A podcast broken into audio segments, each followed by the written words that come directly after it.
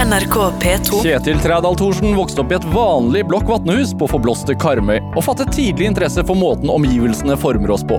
I dag er han kjent som mannen bak arkitektfirmaet Snøhetta, som tegnet Operaen i Oslo, og som står bak svimlende byggeprosjekter i alt fra New York og Paris til Shanghai og Saudi-Arabia.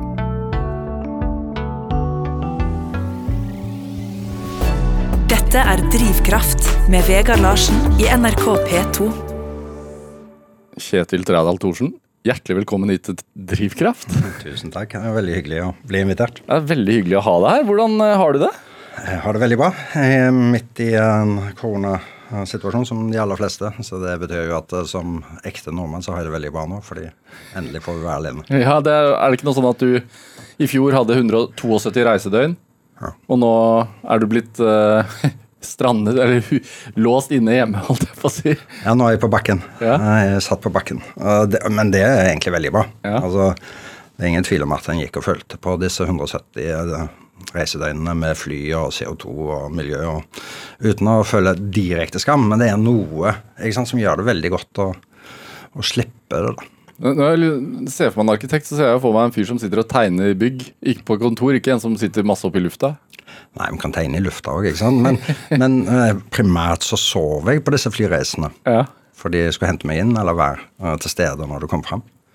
Så nå sover jeg jo vesentlig mindre. Du sover mindre, ja.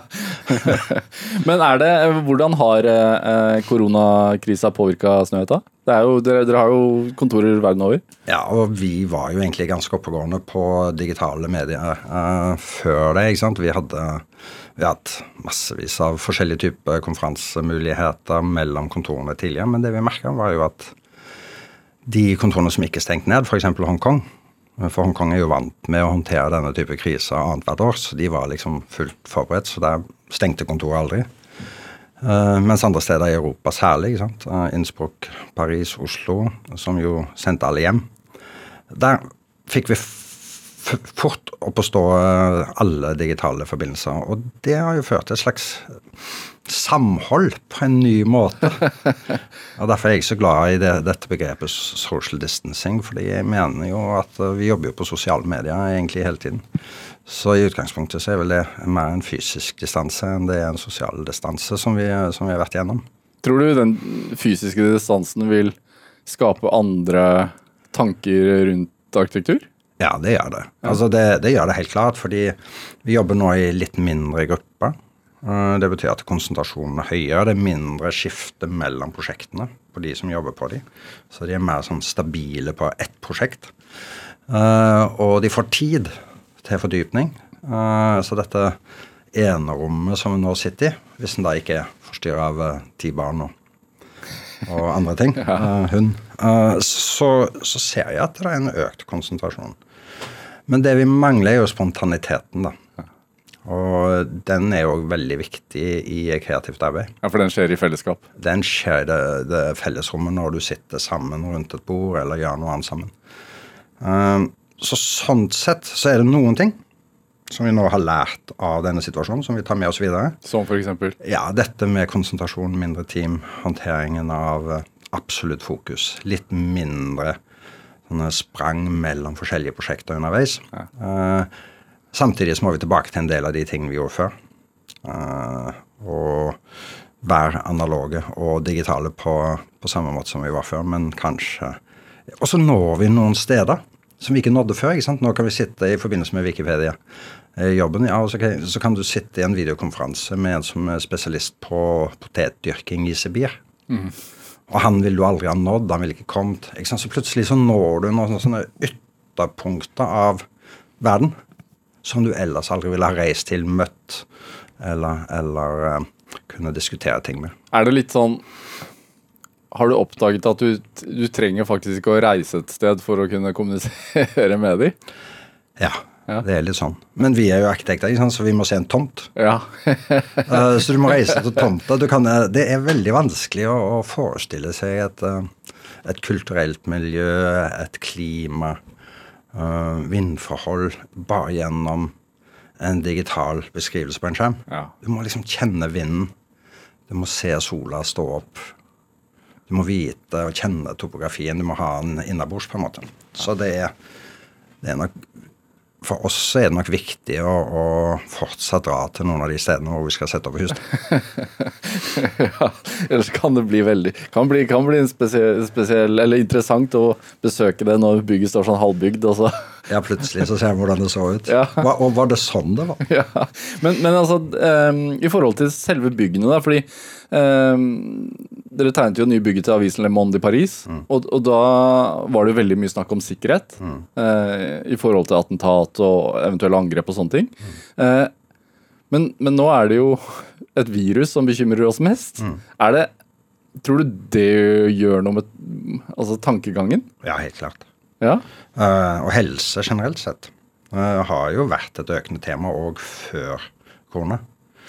Men uh, nå vil det få et uttrykk uh, i andre enden på en helt annen måte. ikke sant? ja, du tror det? Ja, du ser jo nede på skranken her Radiohuset. ikke sant? Ja. Plutselig svære plastikkskjermer foran han som sitter bak. ikke sant? Du ser på restaurantene i Italia. Du deler bordet i to. Så det er klart det har noen fysiske Og det kommer en del fysiske ting på sikt. Hvordan utnytte en areal, f.eks. Uh, og vi, og det, problemet er at det står litt i motsetning til miljøaspektet. Så nå skal, en- nå skal en plutselig fly med halvfulle fly. Men en vet at det øker CO2-fotavtrykket til hver eneste passasjer. ikke sant? Så det, det er noen sånne, Vi står overfor noen dilemmaer som handler om miljø, helse, natur, naturvern, som alle i seg sjøl er veldig gode. Men når de settes opp mot hverandre, Ja. så blir det vanskelig å velge. Ja. Vindmølleutbygging, kutte trær for sykkelsti. Ja, sant. Men også noe som har blitt veldig populært i store bygg, eh, i hvert fall kontorbygg og sånn, er åpne kontorlandskap. Veldig dårlig idé under en epidemi. Ja, det kan du si. Men samtidig ikke sant, så er bevisstheten rundt håndteringen av en overflate, hvis du reiser kollektivt, eller hvis du er et annet sted, Ja. så hvordan er den overflaten desinfisert? Hvor ofte gjør du det? Hvordan er renholdet? Ikke sant? Modernismen jobber jo med det samme. Ikke sant? Jobber med hygiene. Lys, luft, toaletter, rent vann til befolkningen. Og plutselig så fikk det et arkitekturuttrykk som fjerna seg fra ornamentet. Fordi det hang sammen med hygiene. Ja. Lette flater og renhold, ikke sant.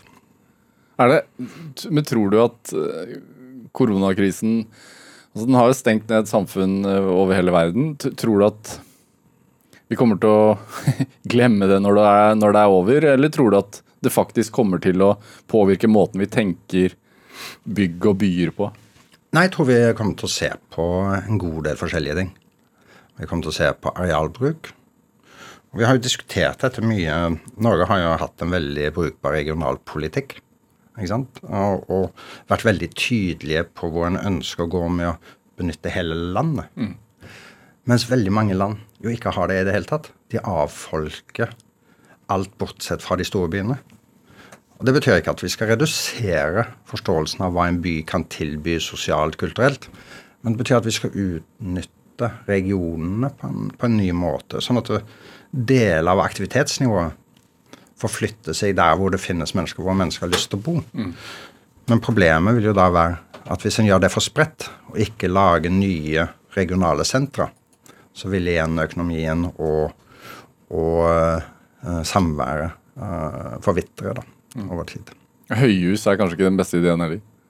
Nei, du vet, stå i en heis sammen, ikke sant. Ja. Det er jo klassisk. Det er jo Men det er sunt å gå i, i, i trappa, da.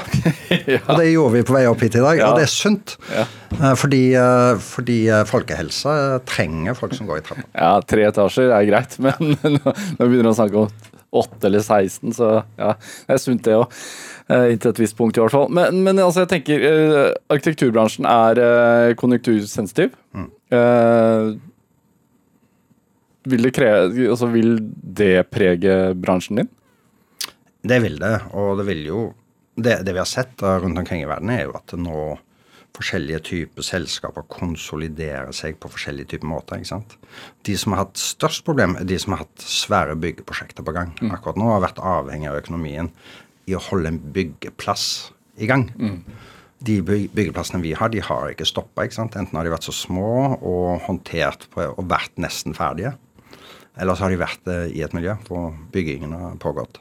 Men nye bestillinger vil kanskje la vente på seg? Vi, vi har ikke merka det. Nei. Uh, og det har kanskje litt sammenheng med at vi er jo så mange steder, ikke sant? så vi har så mange vi har så mange bein der ute. Vi er sånn, sånn tusen bein. Så, uh, og det betyr jo at vi er mindre utsatt for en Hvis det går dårlig et sted, så kan det fortsatt gå bra et annet sted. Og så har vi jo mange forskjellige fag. Ikke sant? Fra design, produkt, uh, grafisk design, produktdesign, landskap, interiør, urbanisme, arkitektur. Alt det. Og de òg utjevner hverandre noe. I forhold til mengdeoppdrag, type oppdrag. Ja. Så Snøhetta er blitt så store så med så mange bein at det, det, går fint? Ja, vi er ikke store. Vi er, lite, vi er et lite selskap i verdenssammenheng, men, vi, er, men vi, vi, har en god bredde. Ja. Dette er Drivkraft med Vegard Larsen i NRK P2. Og i dag er arkitekt og professor og partner i arkitektfirmaet Snøhetta, Kjetil Trædal Thorsen, her hos meg i Drivkraft på P2. Eh, altså, samtidig som korona har eh, eh, flydd over landet, holdt jeg på å si, eh, som det fæle viruset der, eh, covid-19. Men så, så, er vi midt oppe i en ekstremt intens arkitekturdebatt. Eh, Y-blokka. Eh, Altfor seint, kanskje? Hva tenker du? At, at, folk protesterer med skilt utafor? Nei, jeg tenkte du kom til å komme inn på den. Ja. uh, og det, det, er jo Jeg var med på en liten debatt som um, nå forleden oppe på Deichmanske, som handler om um, om det er tid for forsoning. I, I, den norske virkeligheten så har vi en tendens til å, å se på enhver debatt som en fiendtlig debatt. Altså ikke ta inn over oss på en måte noen objektive kriterier for den debatten. Og det betyr Har du noen gang hørt en debatt hvor, hvor, hvor motpolene har blitt enige? Nei, jeg har ikke det. Men, men, men det, er mer, det er mer mediebildet da, ja. enn selve debatten. Ja. Ikke sant? Fordi da, da blir frontene veldig steile. Men jeg er jo fornøyd med det. Fordi det viser jo hvor forskjellige synspunkter står hen i samfunnet. Så jeg, jeg syns at polariserende synspunkter ikke nødvendigvis er dårlig. Så den forsoningen som en da har, den, eh, den vil jo ikke foregå på det nivå. Det vil handle om andre ting. Når vi holdt på med Ground Zero, ja. så var jo det organisert på en helt, helt annen måte. Det var ikke staten som var drifteren. Det var en en, en stiftelse med armlengdes avstand til alt det politiske. Så jeg, jeg nevnte òg i den debatten at det, det, er mulig at selve modellen for etterarbeidingen, for minnesmerket ved Utøya, for håndteringen av Y-blokka, for kunst, forståelse, gjenreising av Norge At har stått for tett på den politiske agendaen. Eh, og at noe av det vi burde ha gjort, var å frigjøre oss med en armlengdes avstand inn i større grad enn vi har gjort. Hvem skulle bestemt da? Nei, du måtte jo da gå igjennom og se på hvordan eh, formålsparagrafen til en sånn stiftelse ville se ut. Og så måtte stiftelsen da på egen hånd drifte frem, og, ja, og kjøre framdriften på dette. Ja, men Hva tenker du sånn rent konkret om rivingen, da? Nei, altså vi var jo med i uh, konkurransen ja. uh, på regjeringskvartalet tidlig. Og vi, særlig i det første forslaget vårt, så så vi at, um, at riving kunne være en fordel hvis en hadde en enhetlig bebyggelse langs Torgata og greide å få bylivet helt inn. Altså på en måte bygge langs Torgata. Og da kunne det ha vært en fordel at Y-blokka gikk. Uh, jeg har skifta mening siden dess. Uh, jeg ser ikke akkurat nå noen, noen kjempegrunn til at den skal gå, og jeg, jeg kjøper heller ikke helt uh, sikkerhetsargumentene, uh, særlig når det gjelder vei, veiproblematikken under Y-blokka. Mm. For å stenge veier i Oslo, det kan vi. ja, det skjer hele tiden. Det skjer hver dag. Så det kunne liksom ikke være et argument. Men tenker du at det er fint altså Som arkitekt så er det jo det er ikke så ofte at folk engasjerer seg. Det er noen bygg, altså Operaen var jo voldsomt engasjement, som, som jo dere tegnet. Eh, Munch-museet har vært et voldsomt engasjement. Eh, men Y-blokka, det er ikke ofte man ser et sånt engasjement hos folket. Nei. Hva, hva Syns du det er en positiv ting? Ja, veldig. Ja. Altså alt som Nå er jeg jo arkitekt, ikke sant, men alt som handler om arkitektur, det syns jeg er bra. Ja. Positivt eller negativt. Uh, uansett hvordan man ser. Jeg elsker jo det engasjementsnivået. Nettopp fordi det er med på å bevisstgjøre, og det ligger veldig tett til faget som sådan.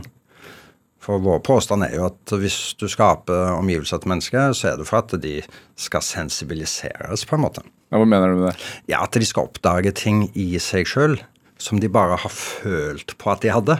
Og så plutselig så får du en sånn aha-opplevelse. Og var det det jeg tenkte, eller var det det jeg følte?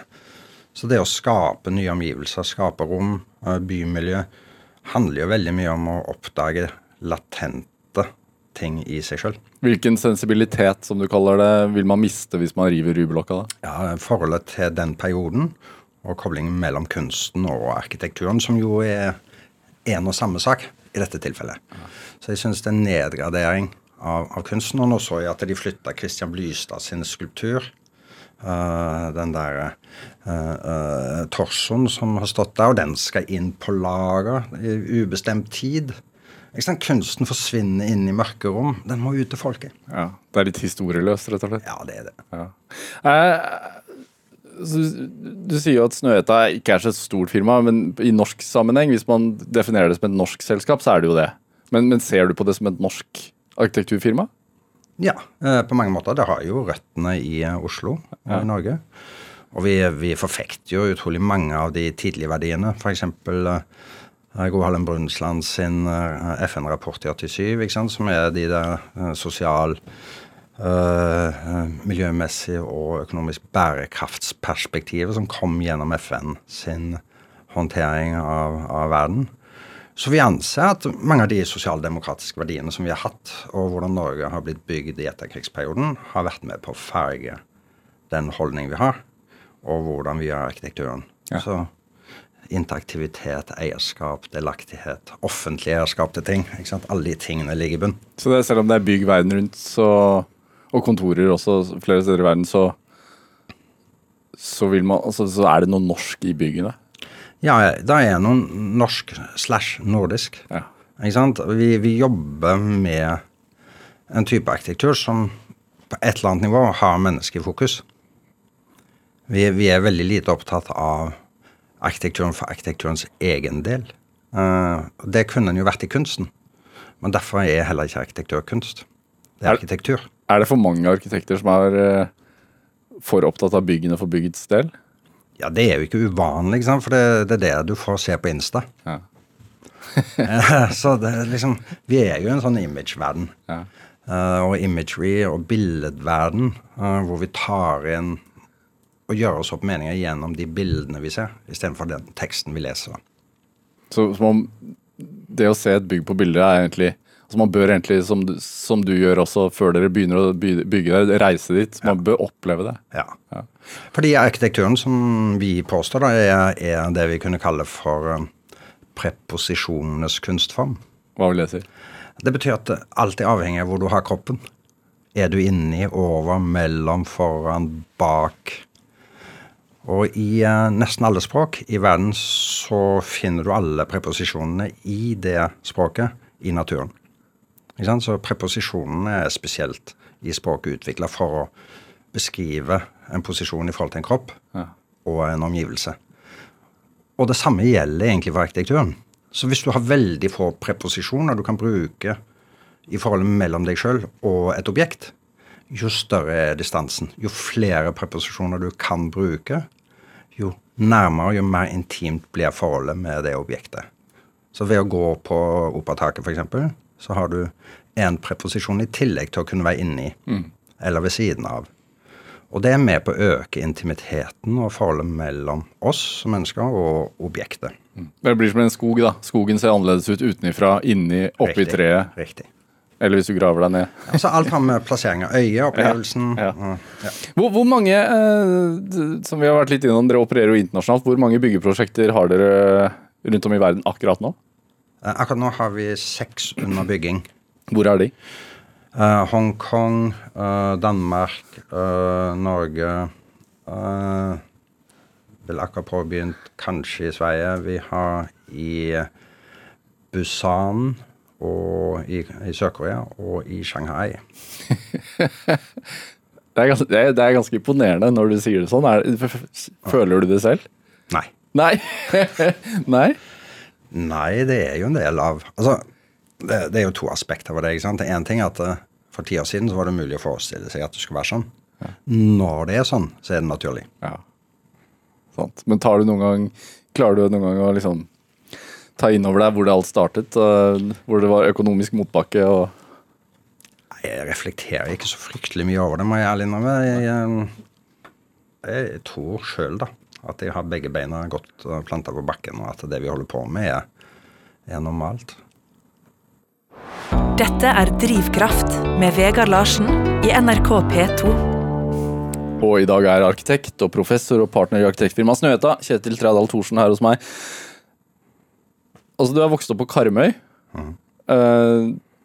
det, det er utafor Haugesund, for de som ikke veit det.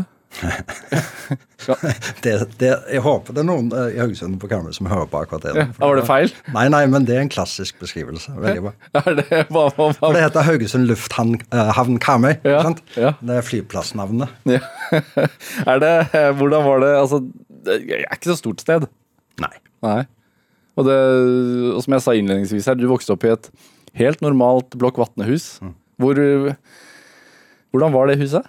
Hvis du skal se på det i dag med en arkitekts øyne? Nei, altså, det var jo eh, på mange måter et hederlig hus, ikke sant? Jeg likte det.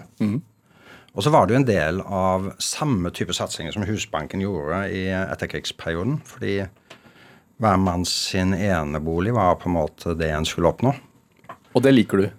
Ja, jeg likte det, og har likt det for så vidt fortsatt. Det er noen dilemmaer som dukker opp med det nå, når det gjelder byggefeltsutbygging som ikke er relatert til allmenne funksjoner og avstand og bilkjøring og sånne ting. Men i utgangspunktet så var det jo en fantastisk ting å ha en egen bolig.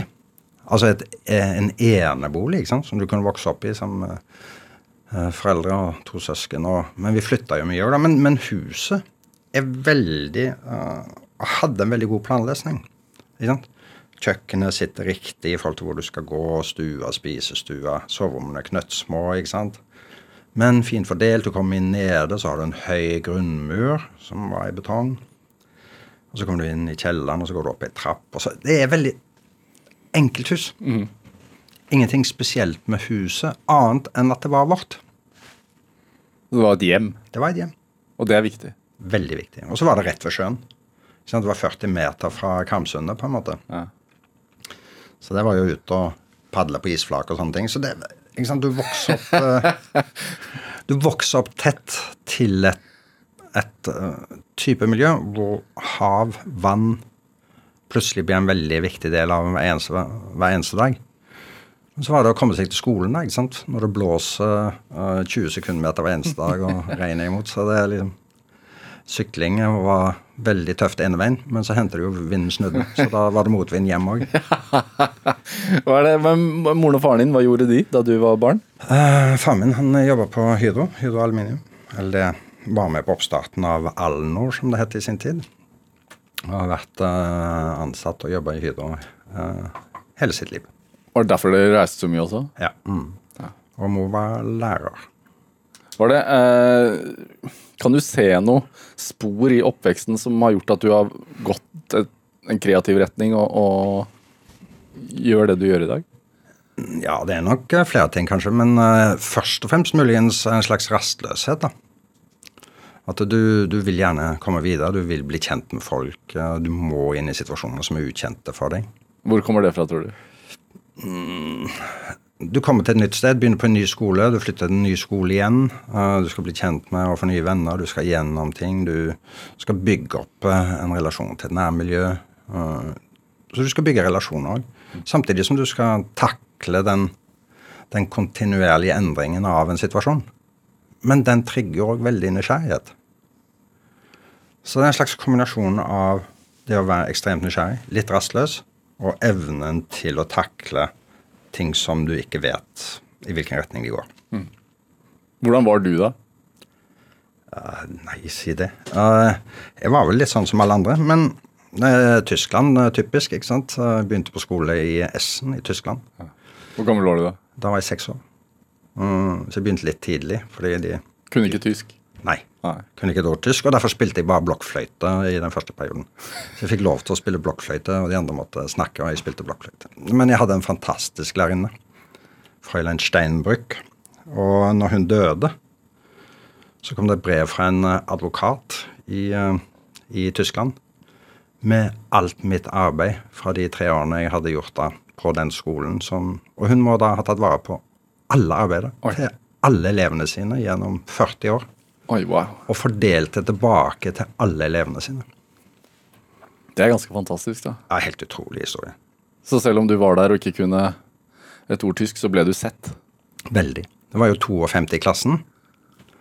Av eh, alle kaliber og alle formater og alle typer innstillinger. ikke sant? Men hun var jo, hadde både kustus Og da hadde vi bare én lærer. Og hun gjorde alt. Ja. Men veldig etter hvert veldig sammensveisa klasse. Ada i S-en. Um, og en fantastisk personlighet. Men når man, er, altså, når man flytter så mye rundt og, og hele tiden eh, Hvor mye har du flyttet i oppveksten? Jeg begynte på skolen i ja, mye. Jeg bodde i Holmestrand og i Porsgrunn, Haugesund, Karmøy, Ja. uh, Tyskland, England. Uh, ja. Ja, Så den rastløsheten, den uh, det, er, det er en grunn til, kanskje? Er ikke redd for å reise, kan du si. Nei, men, men se, tror du at man da lærer seg å se? Ja. Utvide et perspektiv. Og du er vant med å ta deg opp fjellet fra flere sider. Ikke sant? Du, du, det er ikke sånn at du bare velger den ene veien, og så går du den opp igjen og opp igjen hver gang du skal opp. Du er vant med å, å teste ut ting og se på det fra forskjellige sider. Og det å kunne betrakte ting fra forskjellige ståsted, det gir jo en slags annen type innsikt. Vi, klassisk så kaller en det for å utvide horisonten. Men det er mye mer enn det. Det er, det er faktisk en fysisk opplevelse. At du, du kommer inn og opplever ting og kobler ting på en ny måte. Fordi du du har kunnskap om det som foregikk der, og du har kunnskap om det som foregikk der. Og plutselig så har du en mulighet til å koble to urelaterte ting til sammen til en ny. Eh, uten at det er en oppfinnelse av den grunn. Men det er en type intuitiv kobling av ting som ikke nødvendigvis hører sammen. Men fordi du har opplevd begge deler, så finner det sammen. Hva er det vet, Altså, du lever jo i dag av å skape rom vi skal bli i. Og så har du jo ikke hatt kanskje så mange rom som du har blitt i opp igjennom. Det er en dobbelthet der. Ja. Og skal det sies sånn at Og igjen tilbake til det, da. ja, Det, har, det, er, det farlig å si det på den måten jeg sier nå, men er jo så fryktelig opptatt av arkitektur, egentlig. Ok, utdyp. det er egentlig Nei, altså, jeg er opptatt av hva arkitekturen gjør. Ja. Ikke sant? Eh, jeg er veldig opptatt av hva vi kan få til med de tingene vi skaper. Eh, og om det måtte være eh, å skape rastløshet, ja, så kan det være et fenomen som vi ønsker å forfølge i et prosjekt. Har du gjort det noen gang?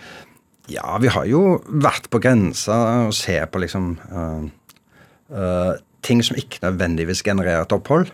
Som eksempel? Ja, det kan være at du skal fort gjennom et sted som kan være en gangforbindelse mellom to type kulturbygg. Så du vil bare ha folk gjennom den. Da må du på en måte ikke generere uh, en slags følelse av at det her har jeg lyst til å være. Da skal du bare gjennom, ikke sant? Uh, så det er jo komplekst, og du, vurderer, og du vurderer hele tiden, ikke bare ut ifra et funksjonelt perspektiv, men ut ifra et atmosfærisk, mentalt perspektiv og et, og et psykologisk perspektiv. Hva gjør våre omgivelser med oss? Vi, vi tilbringer jo 90% av tida vår gjennom et liv innendørs. Kanskje 14% av de 90 på, på toalettet. Ikke sant? Så vi står jo overfor en ekstrem ytre påvirkning. Ja. Temperatur, lys, samvær, mat. Det, de tingene du gjør inne. Tenker vi, sånn du, altså, tenker vi da for lite egentlig på hvordan vi har det hjemme? Nei, ikke Norge. Nei. Vi, vi bruker jo all tid vi har, og alle sparepengene og absolutt alt på å snekre og holde på og male og holde på. Men, men det er kanskje en annen type dybdeverdi, da. Hva er overgangssonen? Hvordan lever en livet? Hvordan er det kobla opp imot oss? Hvordan, hvordan eh, planlegger en en by uh, i dag? Hvordan fordeler en arealene? Så Sånn sett kan du si at operataket er doble arealbruken i byen. For du har både taket du kan gå på, og du kan bruke operaen inne. Ja, Da har vi bidratt til å øke arealet i Oslo. Hva tenker du om at uh, arealet rundt operaen ja, på mange vis har minket arealet? Nei, vi var jo forberedt på, at det kommer byutvikling både mot nord og mot, uh, mot øst. Så Den er for så vidt grei, så lenge det ikke bygges uh, ut i vannet mot sør. Og så lenge vi slipper noe særlig med bygging rundt børsen og blokkerer det mot vest. Uh, vi, operaen er en del av en utvikling av Oslo, så vi må pent innfinne oss med at det foregår ting rundt operaen.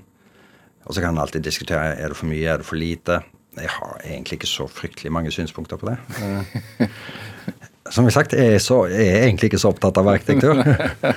men, men, tror du det at siden korona nå har tvunget oss til å være mer hjemme, tror du det bidrar til at flere vil flytte? Ja, det kan tenkes. Det kan tenkes. Um, jeg, jeg, tror at vi, vi kommer til å se på uh, hvordan vi bruker uteområdene på en ny måte. Offentlige rom. Hvis vi kunne fått redusert de 90 ned til 85 så hadde vi redusert smitteprosenten med de 5% For nesten all smitte foregår inne.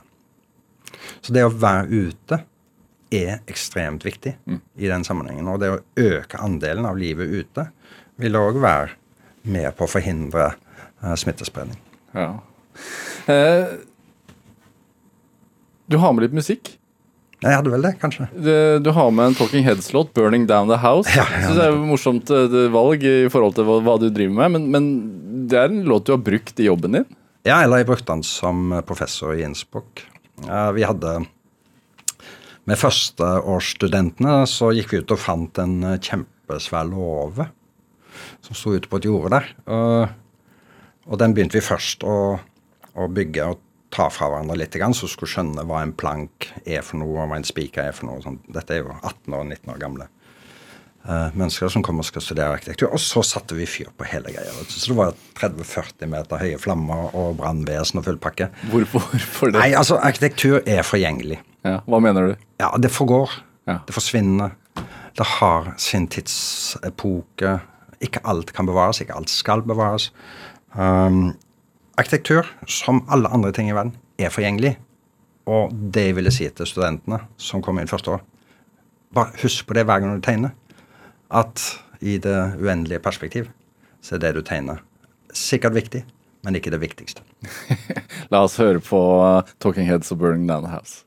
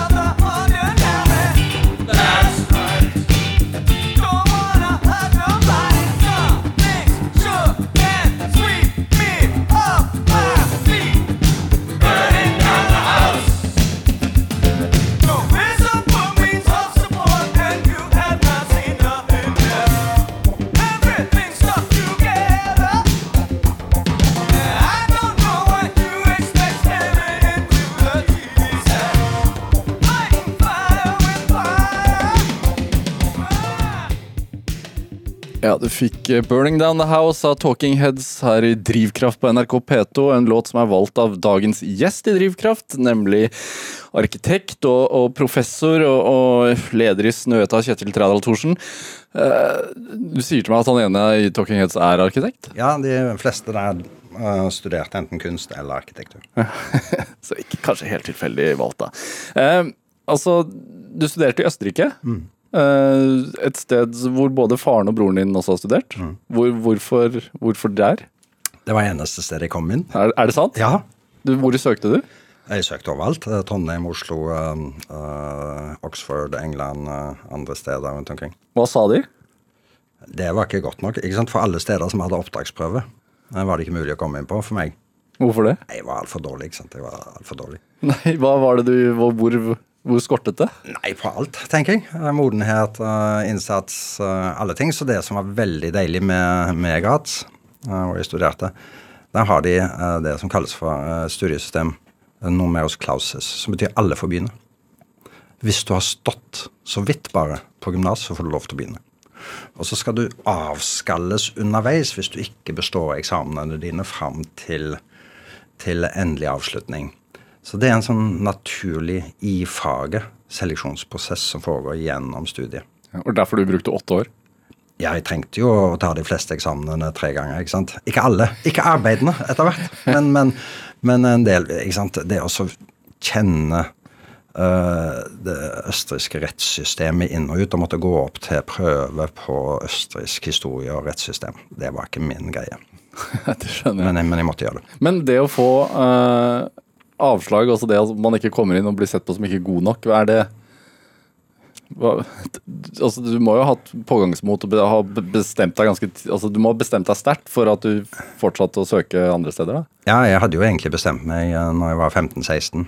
At du skulle bli arkitekt? Ja, for jeg var blitt anbefalt det av en lærer på kunst eh, på skolen i eh, England.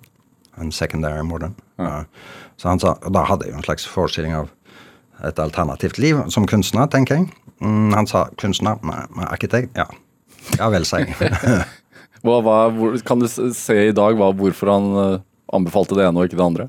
Nei, det er en slags blanding, tror jeg, av um, muligheter for å være analytisk i enkelte sammenhenger.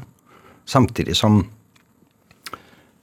på en måte det er alltid en, en grei escape. da. Mm. Hvis du ikke er god nok til å bli kunstner, så kan du alltid bli arkitekt. Det er mange som ser det sånn. Jeg gjør ikke det. Men, men uh, for en lærer òg kanskje en grei utvei, hvis du er kunstlærer. Men jeg var, de, jeg var vel den yngste da på Secondary Modern School, uh, Charters Secondary Modern, som tok det som kaltes for O-levels i art. Så jeg tok det ett, et år før de andre. Ja, Så du var relativt habil? Ja, så jeg vil påstå at jeg hadde noe der ja. som mange så, og som ga det en viss mulighet til å videreutvikle uh, både kreative evner og, og, lysten til å skape. da. Hvor... Hvor viktig er det å være flink til å tegne hvis man skal bli arkitekt? Det er ikke, det er ikke viktig. Nei. Nei, det er ikke egentlig det. Det er veldig viktig å kunne tenke. Uh, og det gjelder jo de fleste andre ting i livet. Men, men å, å, ha en type innstilling i forhold til å skape Lysten til å skape, lysten til å se ting bli til. Uh, evnen til å tenke det i samme øyeblikk som du driver det. Lysten og evnen til å samarbeide med andre arkitektur og design er jo en kollektiv innsats.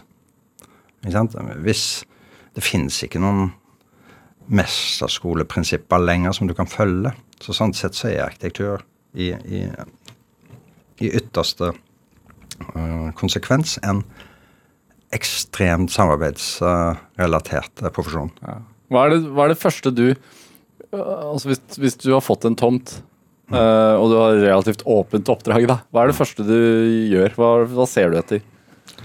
Nei, Nå er vi jo langt inne i miljøsatsingen vår. ikke sant? Så det første vi gjør, det er jo en klimatisk uh, undersøkelse av ei tomt. Men det kan være sære ting som ingen andre er på leit etter. Jeg har jo pleid å gi det eksempelet at um, alle som skal prosjektere et eller annet f.eks. langs Kirkeveiringen i Oslo, vil være interessert i hvor mange biler er det egentlig som passerer Eh, det bygget du skal tegne. Ja, fordi, For de som ikke vet det, det er en relativt trafikkert åre i, i Oslo. Ja, ja. og ganske, ganske trafikkert. Eh, så da vil du være interessert i hvor mange biler er det som passerer her. det vil Snøhetta òg. Vi vil være interessert i hvor mange biler som passerer. Men vi vil òg være interessert i hvor mange røde biler som passerer. ok. Vi vil være interessert i hvor mange sitter det i en rød bil, hvor mange sitter det i en blå bil. Så vi er på leit etter de små, sære tingene. Som gir oss en mulighet til å henge på et konsept, som det kalles for. Som er en slags overordna idé. Og eh, kontekst, som er stedet. Og hva ligger det i stedet, og hva ligger det i den mulige ideen? Som kan kobles sammen til å bli et prosjekt for nøyaktig den tomten. Med det innholdet. Så vi begynner å analysere, og så har vi en workshop som vi kaller for Ideaworks. Hvor vi inviterer med Hummer Kanari bredt ut. Jobbe i retning av det vi kaller for transposisjonering, hvor du forlater ditt eget fag og du går inn i et annet fag, et slags rollespill. Mm. Og i det kreative arbeidet så får du mange innspill. Uh, og så trekker vi essensen ut av det, pluss analysene som vi har gjort i forkant. Og på et eller annet tidspunkt så begynner vi å tegne. Men vi tegner seint. Vi begynner å tegne relativt seint i prosessen. Det er jo litt abstrakt med disse røde og blå bilene, ja. men, men, men sånn hånd, altså hånd, hvis du har et, et, eksempel, faktisk eksempel Operaen, da, som alle kjenner. Ja. Så Forholdet til operaen er jo sånn at du drar ned på tomta og du ser hva kan du få til her. ikke sant? Og Så ser du hvor går uh, kystlinja i dag. Hvordan er tomta spesifisert i sin avgrensning. Så en del er ute i vannet, en del er på land. Ja, hva kan du trekke ut av det? Jo, du kan si havet tilhører verden, mens uh, utstikkeren tilhører Oslo. Ja, Da kan du si, da legger vi arbeidsplassene i operaen på land, fordi arbeidsstokken kommer fra Oslo. Og så legger vi det som tilhører publikum, ut i vannet. Fordi det tilhører verden.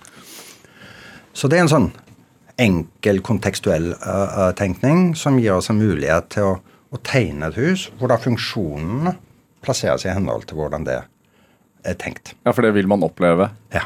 som publikummer eller som, ja. når man arbeider der. Ja. Er det altså Du studerte åtte år i, i Graz i Østerrike, og, og, og Snøhetta ble starta i 88? Var det ikke sånt? Ja, 89 ble vi et aksjeselskap, og så ja. hadde vi et eh, kontor over Dovrehallen uh, i 87. Og derfor derav navnet Snøhetta? Ja. ja. Er det, var det enkelt i starten? Nei, det, det, altså, enkelt skal det ikke være. Nei. Og det var det ikke heller. og vi, uh, husk på Eh, på slutten av 80-tallet så begynte vi å gå inn i en slags økonomisk krise. Jeg vet ikke om du, du husker kanskje ikke det du så. Men, eh, men, eh, men det var jo, rentene var 16-17-18 ikke sant? Det var, det var, ikke mulig å få jobb. Nei. Men vi vant jo da i 1989 biblioteket i Alexandria.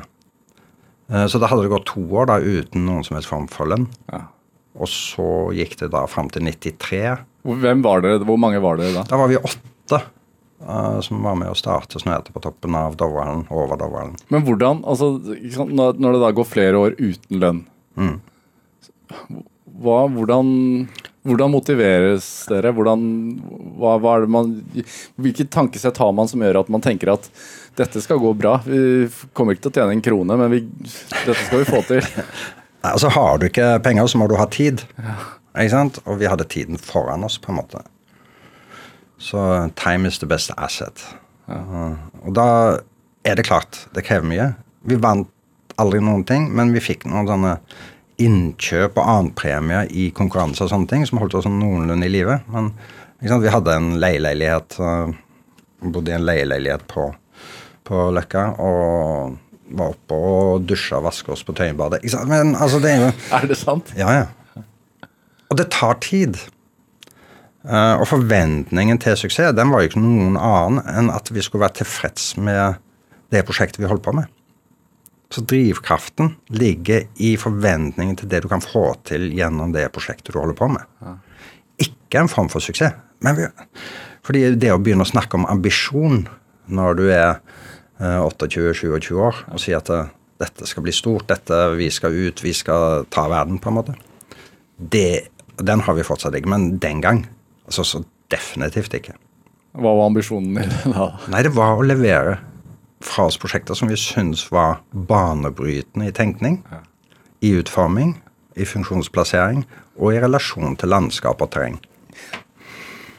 Og du, du var altså på den tiden altså, du var jo eh, var, var, du gift med kona di da, eller var dere bare kjærester? Nei, da var vi kjærester. Ja. gifta oss litt senere fordi vi måtte. Ja, ok, ok, Hvorfor det? Nei, Vi skulle adoptere fra Etiopia, så da må du være gift. Ja.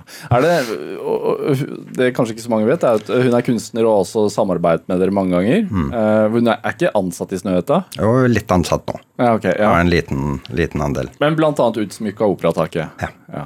Uh, hvor viktig var det for deg at hun var såpass tett på sånn i den perioden der, hvor du måtte dusje på Tøyenbadet for å Nei, men altså hun har jo uh, drevet sin egen kunstneriske utvikling. Hun hadde et, et Rufino Tamayo-stipend i Mexico i den perioden når vi skulle gå i gang med biblioteket i Alexandria-konkurransen. Ja. Så hun kom fra Mexico og har hatt opphold i utlandet og jobber med sin kunstneriske utvikling. Men for oss å jobbe tett sammen på dette har jo ført til at vi har jobba med en del prosjekter som har, på samme måte som Y-blokka, sterk kunst integrert veldig sterkt i arkitekturen. Så det er veldig vanskelig å skille utformingen av operataket fra selve operaen. Så det, det er sterk sammensmeltning mellom kunstuttrykk og, og, og, og bygget. Og det begynte vi jo med på Alexandria-biblioteket. Og utsmykking langs veggen med disse håndhugde tegnene og alt det uh, var på gang. Så uten det arbeid, uten det samarbeidet, så hadde vi heller ikke hatt samme forhold til hvordan kunst og arkitektur på den ene siden smelter sammen, på den andre siden utfordrer hverandre. Hva, det må ha vært en milepæl å vinne Alexandria-biblioteket? Ja, uten tvil. Jeg trodde jo ikke mine egne ører, selvsagt, når de ringte fra Egypt. Det var på dårlig linje for øvrig òg, sånn at uh, jeg trodde de sa third price istedenfor first price, så jeg måtte få de til å ringe enten det eller at det var en spøk. Ja. Men vi fikk jo bekrefta at det stemte. Hvor lenge hadde dere jobbet med det? Uh, fem uker lite, fra en liten leilighet i Los Angeles som vi hadde leid. Og vi hadde leid alt det vi brukte, fra Studio Supply ikke sant? Filmbyen LA. Der, ja, ja. der, kan du leie alt. Uh, bord, uh, viskelær kan du leie. ikke sant? Du kan leie absolutt alt. Så det hadde vi gjort. Og så hadde vi en film med uh, sånn videoboks som vi så på, som var The Fly. The Fly av Kronberg? Ja. Den så vi om igjen og om igjen. Så det var hele den der metamorfosen da, som lå i bunnen. En mann som blir en flue? Ja. Er, Inni en tidsmaskin. Inni en tidsmaskin. Er det sånn du ser på ja, det var biblioteket. biblioteket. Ja, det var biblioteket. Er det sånn du ser på Snøhetta også? At et, etterpå så ble dere en Nei, altså, jeg håper ikke det. Men, men, men, det er klart, det er endring underveis. Nå har vi holdt på i over 30 år, ikke sant? og det er klart, vi, vi forandrer oss òg underveis. Er det, du reiste til Kairo for å jobbe med det, mm. og du har jo jobbet i mange Hva skal man si? Kanskje steder som er utfordrende å jobbe i? Ja. Hva, hvilket sted har vært mest utfordrende å jobbe? Eh, på en måte så, så, var vel kanskje I hvert fall de tidlige fasene med Ground Zero Memorial Pavilion ja. Det er mest utfordrende fordi det var så emosjonelt òg. Mm. Uh, ikke nødvendigvis fordi Men nå er det amerikanske byråkratiet er ganske tungt, altså. Det må jeg si. Men, men, det var ikke bare det. Det var jo liksom hvordan du emosjonelt involveres i noe som du skal gjøre. Og det å etablere nok distanse til det i en tidlig fase, det føltes veldig emosjonelt vanskelig. Men når det er sagt, så er jeg veldig glad for at, at, vi ikke ga opp det prosjektet, at vi ble hengende hele veien.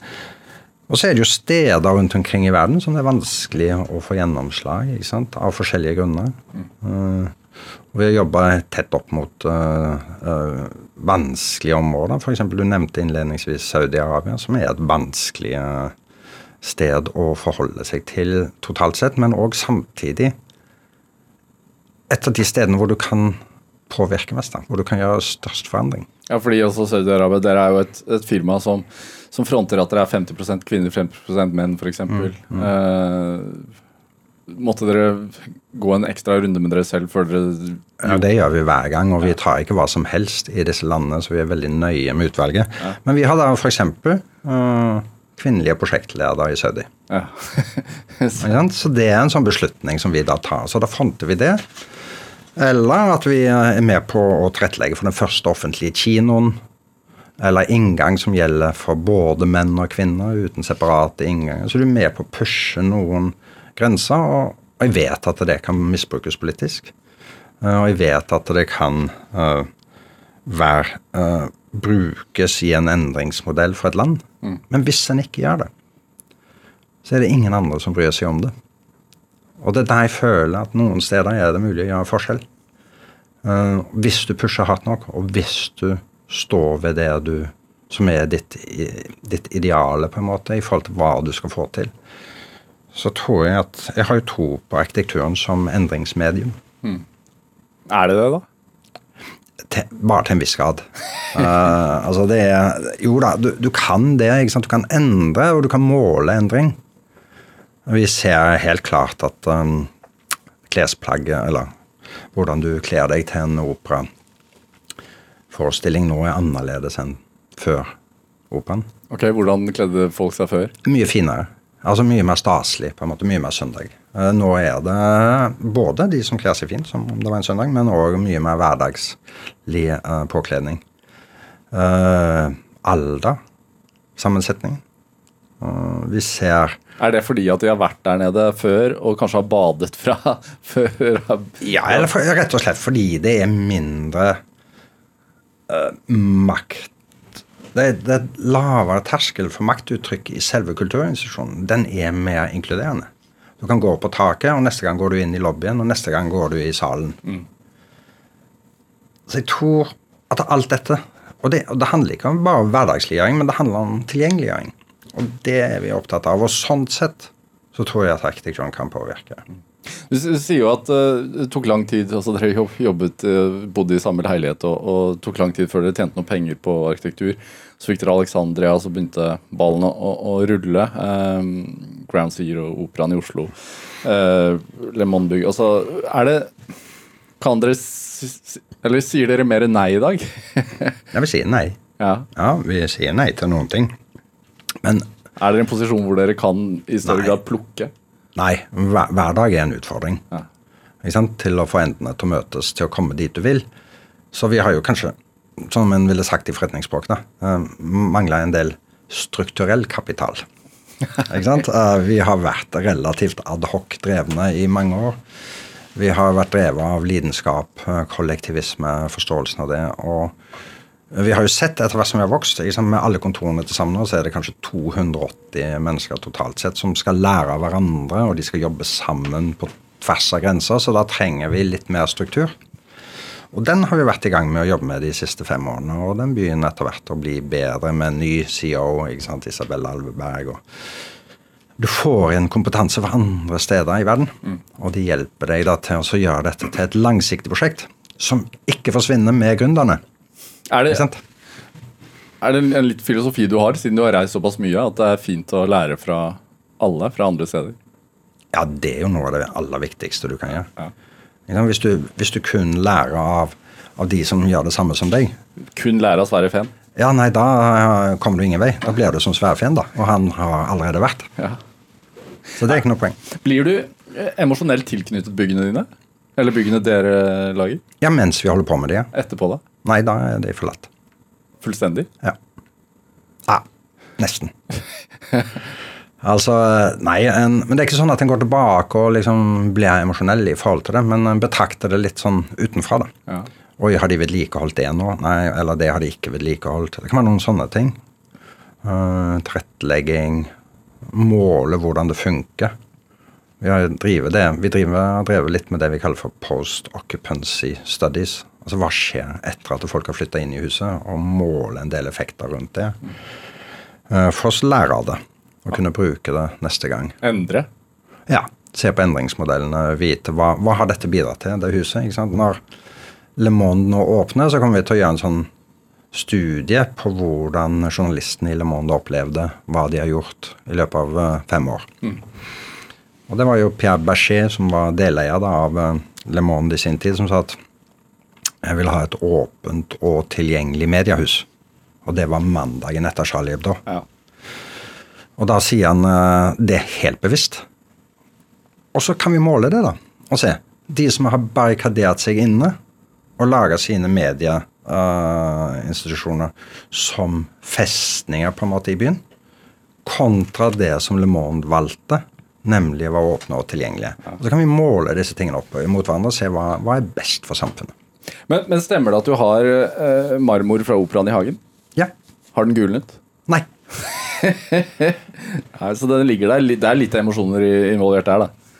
Ja, altså ikke sant? Dette handler jo om så mange ting, men uh, diskusjoner rundt uh, gule Den, skal, den skal vi ikke ta nå. Nei, vi må ikke ta den, men, men hvis en skal drive med graffitibeskyttelse av en overflate, så ligger det Det er kjemi, vet du. Uberegnelig. Kjetil Trædel Thorsen, denne timen går mot slutten. Jeg må stille deg spørsmålet jeg stiller alle. Hva, hva tenker du er drivkraften din som, som arkitekt og som, som leder for et av de store firmaene i landet?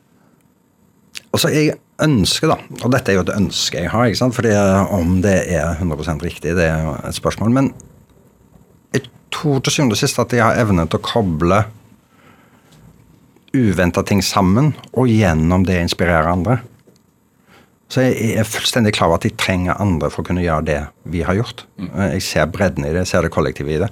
Men min fremste drivkraft er skaperlyst sammen med andre, men å skape noe som ingen har sett. Kjetil Trædal Thorsen, tusen takk for at du kom hit til Drivkraft. Mats Valle var produsent i dag. Kjartan Aarsand og Linn Bølstad bidro også til denne sendingen. Hør flere samtaler i Drivkraft på NRK på nett, eller last oss ned som podkast. Send oss også gjerne en mail med ris og ros, eller tips til gjester du gjerne skulle hørt her hos meg. Eh, Send den e-posten til drivkraftalfakrøll.nrk.no. Jeg heter Vega Larsen. Dette var dagens Drivkraft. Vi høres.